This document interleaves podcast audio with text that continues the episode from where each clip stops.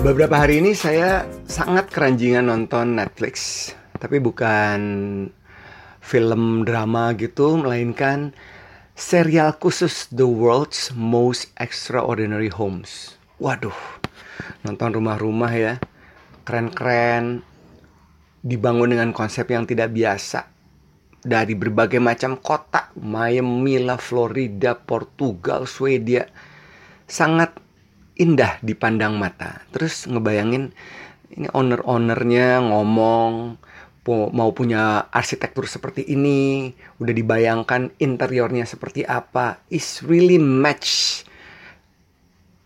eksterior dan interior dan melambangkan karakter sang pemilik rumah. Terus yang bawain lagi dua orang host yang sangat cocok pembawaannya satu sama lain. Mata saya tuh nggak pernah ber, berhenti berkedip dan juga berdecak kagum. Bisa-bisanya gitu ya, ada nih satu rumah ya di dekat tebing. Biasanya orang kan rumah di dekat tebing. Ya tebing itu jadi pemandangan. Eh ini tebingnya itu menjadi bagian dari living room mereka. Jadi kayak duduk di ruang tamu, sofa nyaman, tapi depan kita tebing. Sepotong tebing gitu gede banget, kayak tingginya 8 meter something. Wow, keren banget. Belum lagi entrance masuk seperti lorong, koridor. Terus di bawahnya itu melihat rumput-rumput. Waduh, kerennya luar biasa. Ada juga rumah-rumah yang terlihat sederhana. Ada satu rumah di Swedia, ketutup semuanya. Jadi bisa dibuka, buka, buka, buka. Jadi dari luar itu kayak rumah biasa, atap, dua lantai, tapi semuanya kayu dan bisa dibuka. Jadi jendela-jendela jendela dibuka. Kenapa? Karena suka ada badai. Jadi kayak kelihatan sederhana tapi pembuatannya sangat rumit. Ada juga rumah di atas gunung, di tengah danau, laut lah. Ada satu rumah di daerah Florida. Oh, Miami, Miami. Kan Miami, rumah ini di pinggir pantai bising ya, rame, hektik. Tapi rumah itu bisa loh meredam suara-suara mobil orang karena arsitekturnya. Keren ya. Kalau saya tuh selalu suka mengagumi rumah-rumah yang keren-keren ya. Mungkin Anda juga pasti ya. Lihat rumah yang gak biasa. Mencengangkan, membuat kita merasa bahwa kreativitas memang benar-benar utama belum lagi kemahiran pembuatnya yang telah berhasil, sang arsitektur telah berhasil menciptakan bangunan yang diinginkan oleh sang pemilik rumah.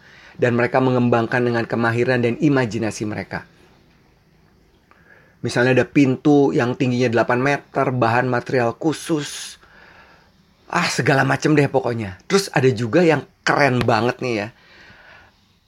Si arsitek udah melihat kapan matahari terbit dan tenggelam jadi bangunan-bangunan itu disesuaikan sehingga ada bagian-bagian tertentu dari sudut ruangan dan bentuk-bentuk misalnya pintu tapi bolong-bolong supaya refleksi matahari itu sampai di ruang yang lain. Terus kan kalau matahari itu kan dari sunrise sampai sunset warnanya berubah-berubah ya. Jadi ini pemandangan yang luar biasa banget. Bias warna, wah benar-benar dramatis dan juga sinematik.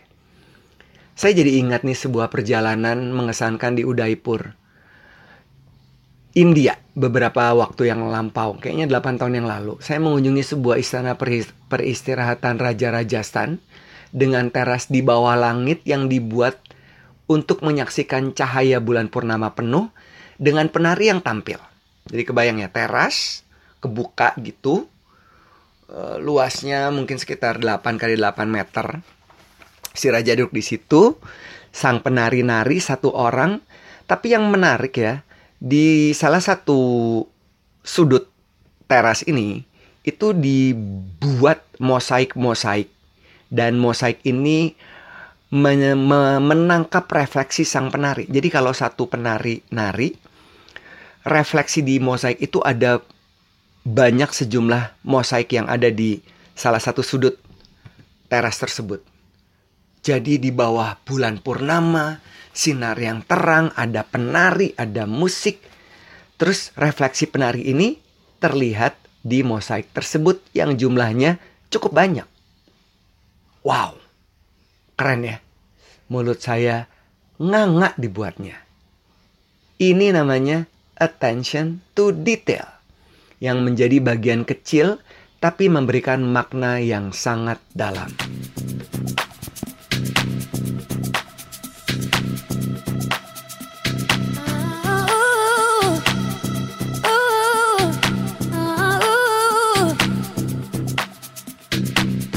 you to breathe me. Let me be your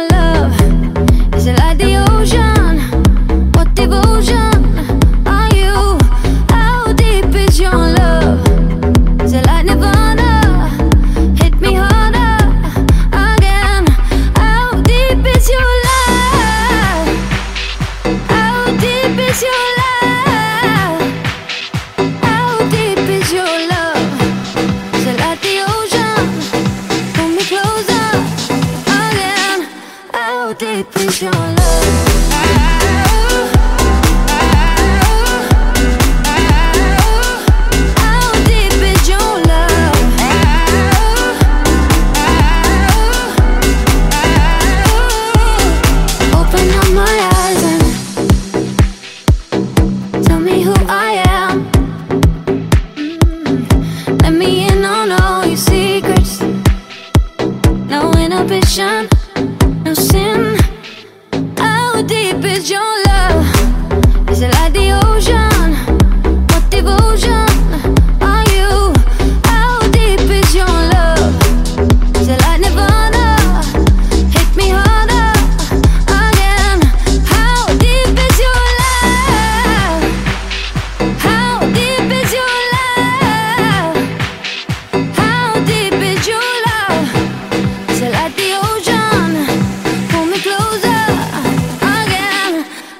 Deep is your love?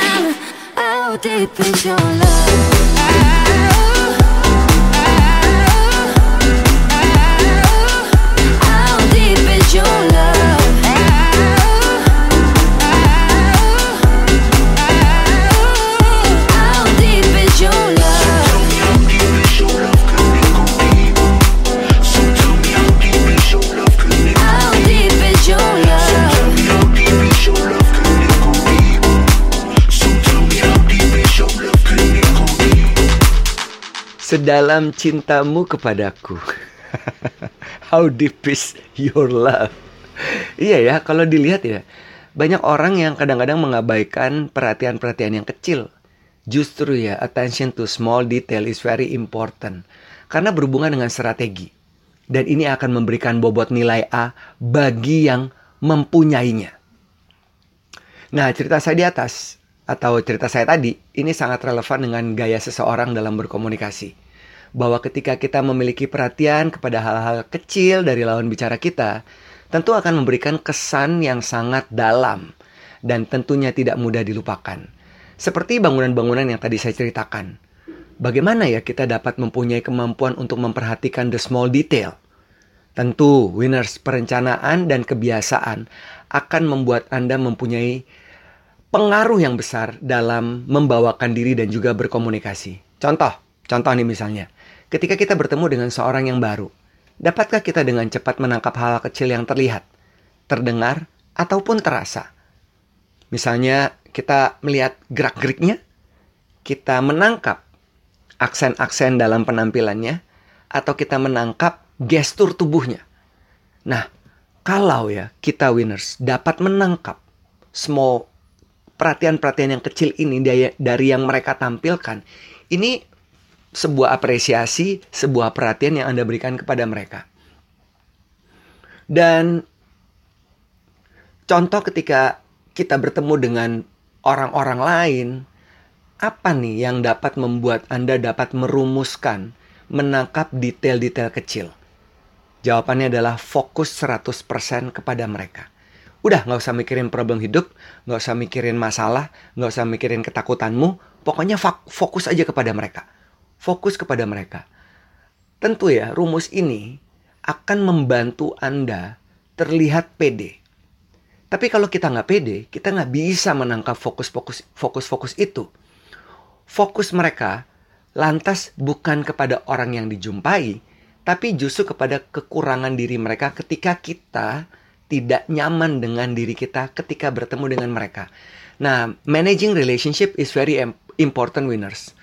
Fokuslah kepada mereka. Perhatian, berikanlah perhatian kepada mereka. Dan ini akan membuat nilai Anda menjadi setara. Tapi kalau itu tidak dilakukan, di situlah kegagalan awal menjadi sebuah bencana. Lawan bicara merasa tidak diperhatikan, sehingga kita gagal membangun hubungan dengan mereka. Nah, sebuah kebiasaan yang tidak tepat ini akan terus berulang menjadi sebuah pola. Dan bayangkan kalau pola ini terus Anda lakukan, ya kita tidak bisa menjalin hubungan yang harmonis dengan orang. Ketika kita berbicara, baik kepada satu orang atau per kelompok, one to many people, bukan sebuah kesuksesan berbicara yang akan Anda dapatkan, melainkan kegagalan kalau Anda tidak dapat memperhatikan hal-hal yang kecil. Berhubungan dengan indera penglihatan, indera pendengaran, maupun indera perasa. Nah, semua nih ya, hal-hal komponen-komponen tiga besar tadi itu akan membantu Anda dan ini pun yang selalu saya lakukan ketika saya melakukan interaksi dengan Zoom atau dengan one on one. Kita diminta untuk menangkap hal-hal yang kecil. Ketika ya, ini saya punya pengalaman. Ketika saya bertemu dengan salah satu individu yang akan saya coaching, saya akan memasang radar penuh kepada mereka. Melihat atribut yang menonjol yang mereka kenakan, kata-kata yang spesifik yang mereka ucapkan, gestur tertentu yang saya tangkap. Nah, bila Anda bilang, wah gila ini kelas tinggi banget, ini anggapan Anda salah low winners. Karena saya pun belajar dari kebiasaan. Saya belajar mengasahnya dari bawah, dari basic. Dan mudah kok. Misalnya ketika ya contoh, Anda saat ini sedang me time me time, terus Anda dengerin saya gitu ya. Terus Anda matiin sebentar. Coba Anda amati di sekeliling Anda. Perhatikan objek-objek yang Anda lihat. Bergeraknya seperti apa, refleksi warnanya, warna aslinya, ada cahaya mungkin yang datang, atau bayangan yang datang dari area yang lain atau bidang yang lain atau sudut yang lain atau pencahayaan yang lain. Nah, hal-hal yang kecil ini nih yang dapat membantu kita untuk mulai memperhatikan small details tanpa judging loh, hanya mengamati objek tersebut, lihat lagi gradasinya. Ini akan meningkatkan awareness yang dapat menjadi modal awal kita untuk mulai mengamati dan kemudian pindahkan bentuk perhatian yang sama kepada lawan bicara kita. Ketika saya memulai sebuah sesi coaching di kelas di mana pun gitu ya, ini yang selalu saya gunakan.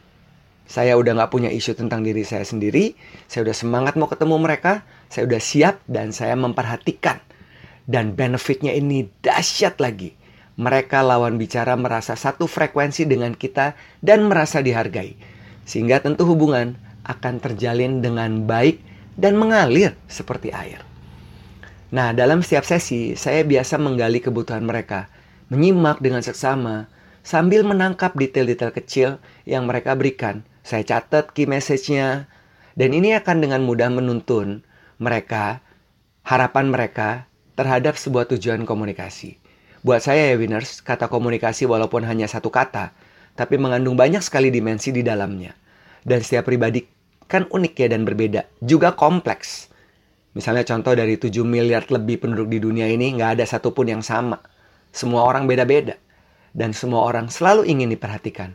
Jadi kalau Anda pandai dengan jeli menangkap, melatih small details, mendengarkan, merasakan, menangkapnya, ini kita akan membangun jembatan yang sangat baik.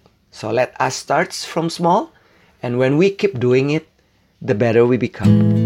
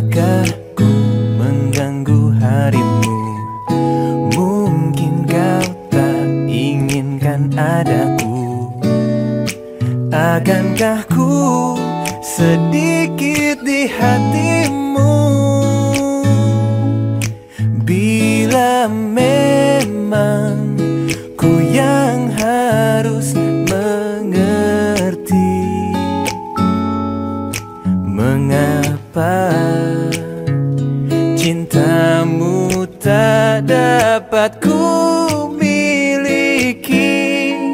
Salahkah ku bilang